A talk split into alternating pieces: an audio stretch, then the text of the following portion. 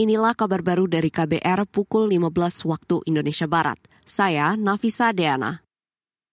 Komisi Pemberantasan Korupsi menyebut Kepala Badan SAR Nasional Basarnas Henry Alfiandi telah mengaku menerima uang suap terkait proyek pengadaan barang di Basarnas. Juru bicara KPK Ali Fikri dalam keterangan tertulis menyebut pengakuan itu disampaikan Henry saat diperiksa penyidik KPK di Pusat Polisi Militer Puspom TNI pada Rabu lalu.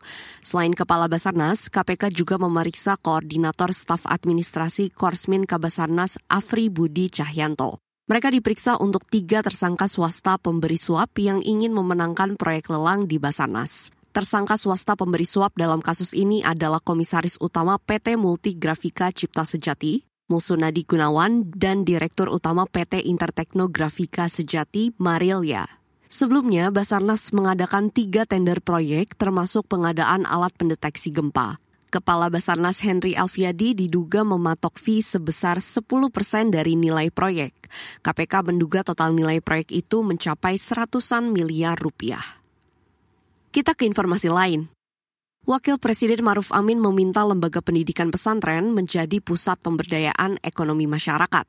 Hal ini disampaikan Wapres Ma'ruf di hadapan pimpinan-pimpinan pesantren dalam Rakernas Ikatan Pesantren Indonesia IPI 2023 hari ini.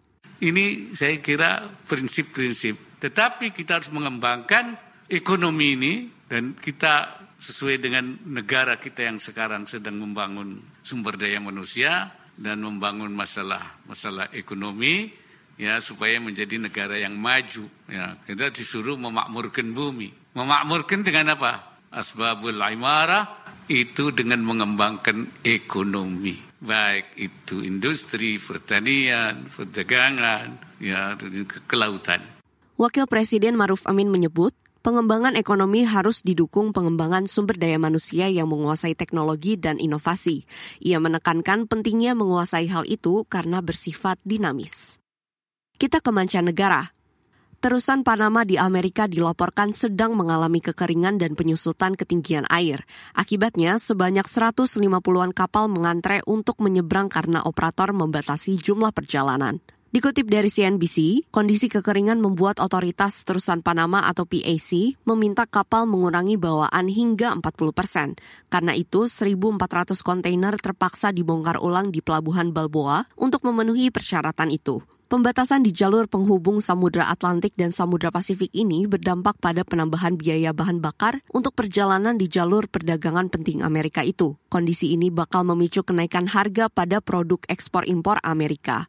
PCA menyebut terakhir kali penumpukan kapal seperti itu terjadi pada 2022 ketika dunia pelayaran tertunda karena dipengaruhi pandemi COVID-19 dan konflik antara Ukraina dan Rusia. Inilah kabar baru dari KBR pukul 15 waktu Indonesia Barat. Saya Nafisa Deana.